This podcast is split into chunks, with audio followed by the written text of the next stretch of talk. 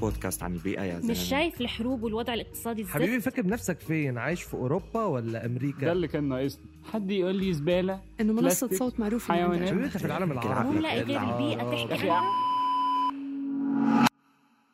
هاي بعض الردود اللي بتلقاها كل ما أفتح موضوع البيئة.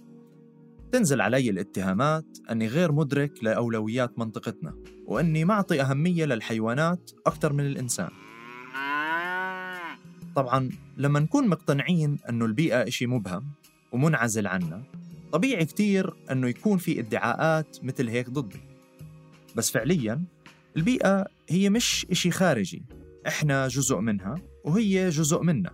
يعني لو هي تضررت إحنا البشر خاصة اللي عايشين منا بالمناطق الأفقر رح نتضرر كمان والعكس صحيح. من هون انخلق هالبودكاست.